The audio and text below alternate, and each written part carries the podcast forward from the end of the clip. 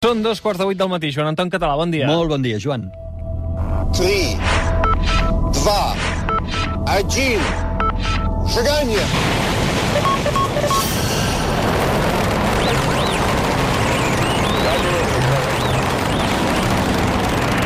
One small for man.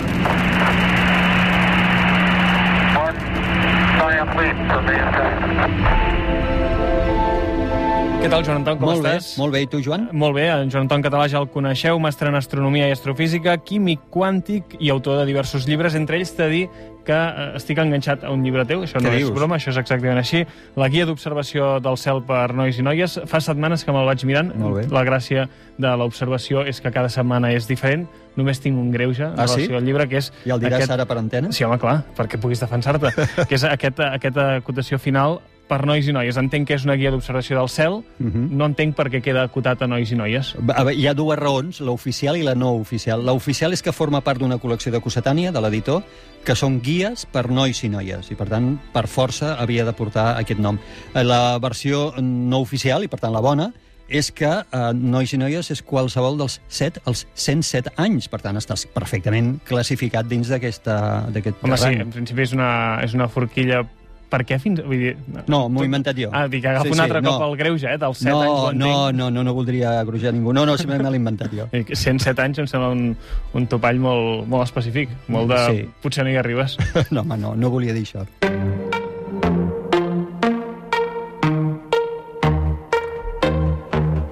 Avui amb el Joan Anton Català no ens proposem acotar fins a quina edat arriba la joventut. El que volem explicar és uh, què hi ha a l'interior dels planetes i, per tant, Joan Anton, crec que el primer que hem de fer és explicar com es formen els planetes. Molt bé. Mira, ho, ho recordarem una mica la, el, breument el que és la, una fase de formació de planetes. Tot comença amb el col·lapse del que anomenem nebuloses, que recordem que són grans concentracions bàsicament de gas, hidrogen i heli, però també de molts altres elements, de tots els que ens formen, que eh, generacions anteriors d'estrelles, quan han mort, han enriquit aquell espai. Per gravetat tot això col·lapsa. Es crea un disc que n'anomenem protoplanetari, perquè d'allà es crearan els planetes, que s'aplana i gira. En el centre d'aquest disc, per gravetat, és on s'acumula la major part de matèria, allà neix l'estrella, neix el Sol, i eh, de les restes, del que queda girant en aquest disc, comencen a haver-hi col·lisions. Primer no són ni, ni col·lisions, perquè són petits fragments que s'adhereixen un a l'altre. Després són pedretes que ja xoquen, després són roques que van xocant i a base d'impactes es van generant els planetes. Els planetes d'alguna forma serien com els supervivents d'una batalla a vida o mort, a on o menges o et mengen. I allà és on es formen tots els planetes i altres objectes del sistema solar, com són asteroides i, i cometes. Uh, mentre això passa, aquest sol que ha nascut en l'interior emet un poderós vent solar que escombra el material més volàtil, el gas més volàtil, també l'aigua, eh, l'escombra cap a les parts externes més exteriors d'aquest disc, de forma que hi ha tendència de que a la part inter interior del disc es formin més aviat planetes rocosos, sòlids, amb material pesat, i el material més volàtil, com gas, aigua, etc, queda més cap a l'exterior i allà és on neixen els grans planetes gasosos. Això, això que pot semblar una cosa molt teòrica, qualsevol que s'hagi mirat una miqueta al sistema solar, eh, ja, ja és això, no? Ah, exacte. Mercuri, Venus, la Terra, Mart, Molt bé. i, i, i I després... després els, els gasosos. Tot i això t'haig de dir que aquest relat tan facilet, que sembla tan facilet, no ho és tant. Tenim, és, és un relat on encara hi tenim peces que no ens acaben d'encaixar. Eh? Uh, però així, vist així, uh, des de dalt de tot, uh, és bastant fàcil de poder-ho entendre. Quedem-nos a la zona que està així una mica bé. més de prop del Sol, en la zona aquesta més rocosa. Com és l'interior d'un planeta rocós? Doncs quan es formen els planetes es formen a milers de graus de temperatura. És dir, que la gent no es pensi que quan un planeta queda format ja és ja està, no? Amb els continents, la Terra, no. No s'assemblen amb res. Estan molt calents degut justament als impactes que han tingut. Estan fosos, pràcticament, o sense el pràcticament, fosos. Llavors, per gravetat també, i mentre es van refredant, el material més pesat, és a dir, el ferro, el níquel, el coal, aquests elements que són més pesats, van decantant cap a, l'interior. I això fa que aquests planetes tinguin un cor a dins metàl·lic, viscós. Eh, sí, que- si volguéssim, perdona, si volguéssim fer una imatge una mica visual, Sí. seria com si barregéssim aigua i oli en una ampolla i la sacsegéssim i després aniríem veient com Correcte, es va. eh? exactament, exactament. O, o fins i tot sorra fineta, que, que aniria decantant a poc a poc i s'aniria cap al fons, doncs aquest seria el ferro, el níquel, el cobalt, els elements relacionats amb el ferro, que per gravetat, per pes, decanten cap a l'interior de, del planeta recent format i allà formen un nucli metàl·lic viscós. Viscós perquè està molt calent. Està molt calent perquè encara li queda escalfor de, de la formació d'aquests impactes, però també perquè hi ha molts isòtops, molts elements d'aquests, variants dels elements, que són radioactius i que, tal com es van eh, desintegrant, van decaent cap a, cap a elements més estables, generen escalfor, generen calor.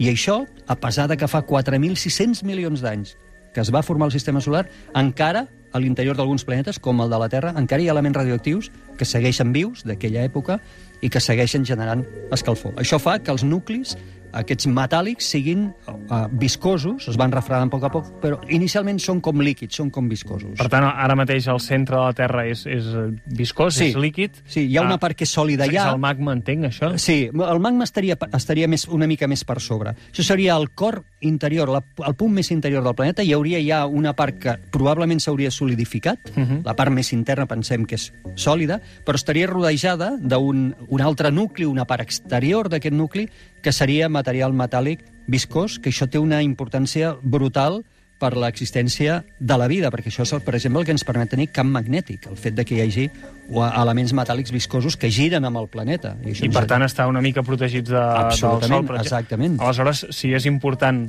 que, que aquesta escalfor, que aquesta viscositat es mantingui, Mhm. et pregunto, s'arriba a refredar mai aquest nucli? Sí, pensem que sí. Per exemple, Mart no té camp magnètic. Per tant, si mai, Joan, vas a Mart, no portis una brújula. O si la vols portar, no et servirà de res. Crec que seria el menor dels problemes. Sí, Eh? entenc que sí, entenc que sí.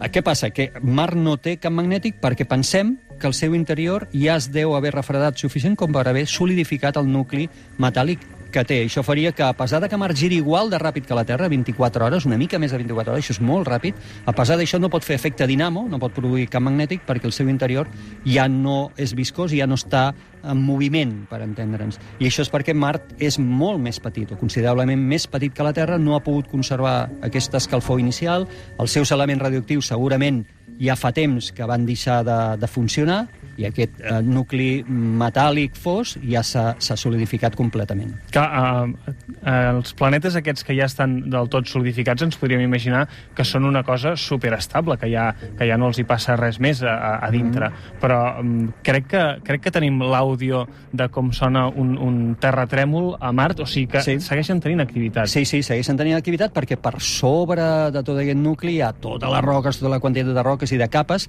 que encara tenen el moviment de decantació i que encara s'estan Mira, posicionant. sona així.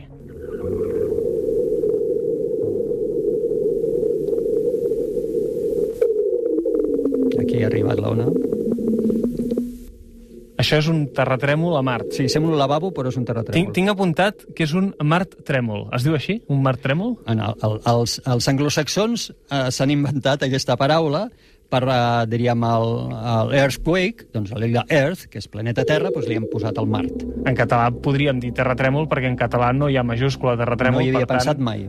Eh, Per tant, el que s'està movent és el terra, el sol, sí, senyor. no, no, no sí, la senyor. terra. No? Sí, senyor.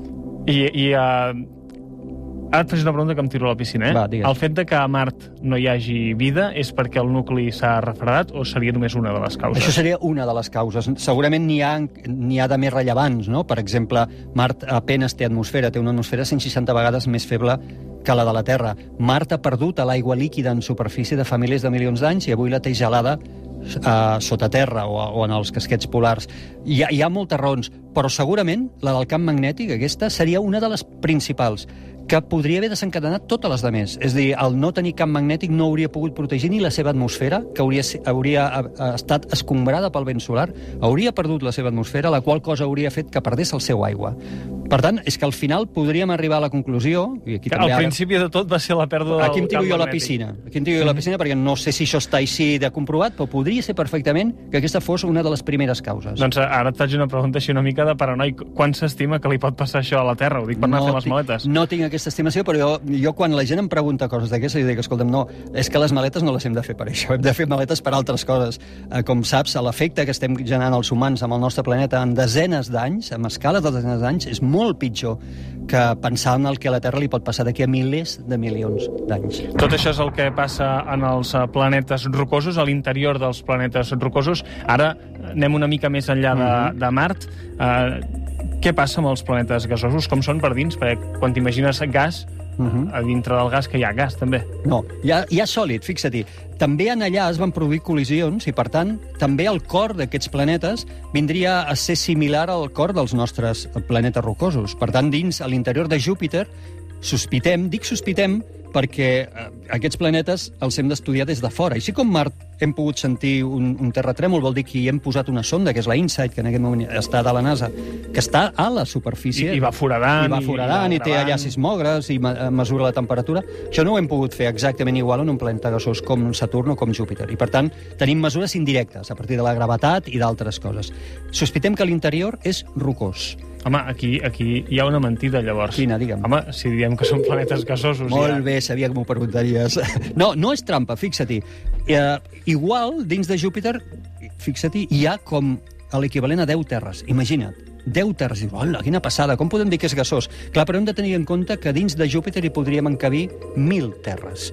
Per tant, si de 1.000 terres que podríem posar-hi dins t'estic dient que n'hi ha 10, a l'equivalent a 10 que són rocoses, t'estic dient que només l'1% d'aquest planeta, el millor rocós. La resta, el 99% d'aquest planeta és gasós. Per això els hi diem a planetes gasosos, entenent que eh, segurament en el centre hi ha quelcom més sòlid que un gas. Eh? Uh -huh.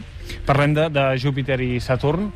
Urà i Neptú també són així. Sí, serien així, però aquests eh, planetes eh, ens apareixen amb més composició d'aigua. Són més rics en aigua que Júpiter i que Saturn. Això és perquè també es van formar una mica més lluny, i com et deia, a la primera etapa del sistema solar, el, el, el fort vent solar va escombrar els elements volàtils, i entre ells hi havia l'aigua, cap a les zones més exteriors del sistema solar, i per tant Urà i Neptú, que van néixer una mica més allunyats, estarien més carregats d'aigua, igual com ho estan els cometes, i alguns asteroides que es van formar molt més enllà i que són elements, eh, objectes molt més rics en aigua que altres. No m'atreveixo a preguntar-te per Plutó, perquè ara mateix Mhm. no sé quin és l'estatus exacte Val, de a, Plutó. a Plutó li importa un pepino. És dir, a Plutó li és igual que nosaltres pensem. Jo, és una reflexió que a vegades faig, sobretot darrerament, i dona't en compte que els humans no ens movem bé dins el caos i sempre estem intentant ordenar la natura. Creem famílies, categories, classes, saps? Però és que la natura no és classificable. Li és igual a la natura. Nosaltres, som nosaltres que intentem classificar.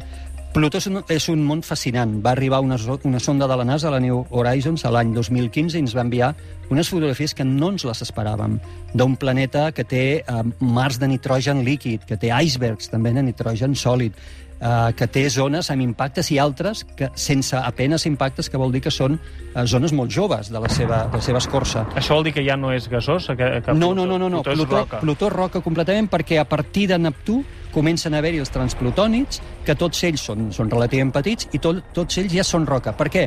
Perquè eh, el gas se'l van menjar, el gas que hi havia en aquell moment, se'l van, el van acumular els rics, que van ser Júpiter, Saturn, Urà i Neptú, i quan els altres volien seguir acumulant gas, el vent solar ja havia escombrat tot aquest gas ja no en quedava pels més pobres. I els Veig més que- pobres es van quedar amb, amb les roques. A l'univers també hi ha classes. Sí, també ha. Fem un pas enrere, doncs, tornem en aquesta zona gasosa. Si ens endinséssim en un d'aquests gegants Mhm. gasosos, i, i arribaríem a trobar res similar a una superfície? No, així com, en un, eh, com a la Terra tu passes directament de la superfície a l'atmosfera amb res, anava a dir mil·límetres, amb menys, és instantani, allà no. Allà el que passaria és que tu t'endinsaries a l'atmosfera i si poguessis aguantar la, la pressió, l'enorme pressió de l'atmosfera sense esclafar-te, aniries veient que cada cop el gas és més dens, més dens, més dens, fins que començaria a transicionar en formes metàl·liques, en formes sòlides. Però no seria una transició sobtada, sinó que seria gradual. Eh? Per tant, no hi ha Això, res... això, això és líquid, no? La transició entre el gas i el sòlid, o és un altre món? Això és un altre món. Això és un altre món. Serien diverses transicions. Aquí no es produiria tant en líquid,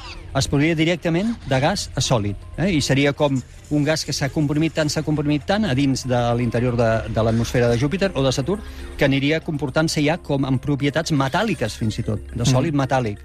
Um, que, per exemple, en aquest cas, els hi provoca camps magnètics que no seria derivat de tenir un interior de nucli fèrric o metàl·lic fos, sinó que seria perquè aquest gas, hidrogen i heli, bàsicament hidrogen, ha transicionat de ser gas a un estat sòlid metàl·lic que el fa conductor de l'electricitat. Estic intentant fer-me una idea de, de, de la textura. Ui. De, de... T'ho preguntaré molt, Digues. molt fàcil.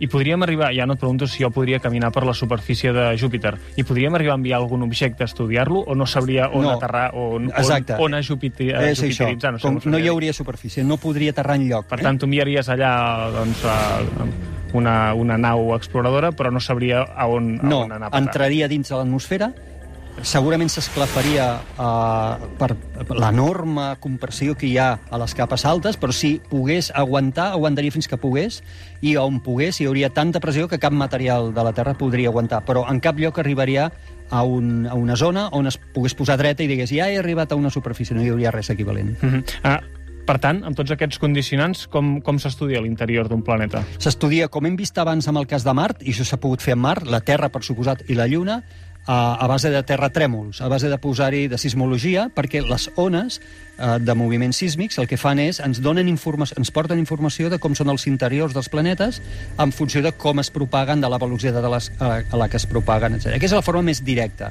Òbviament hi ha una altra que és eh, perforant, eh? però perforant pots perforar molt poquet, molt poquet.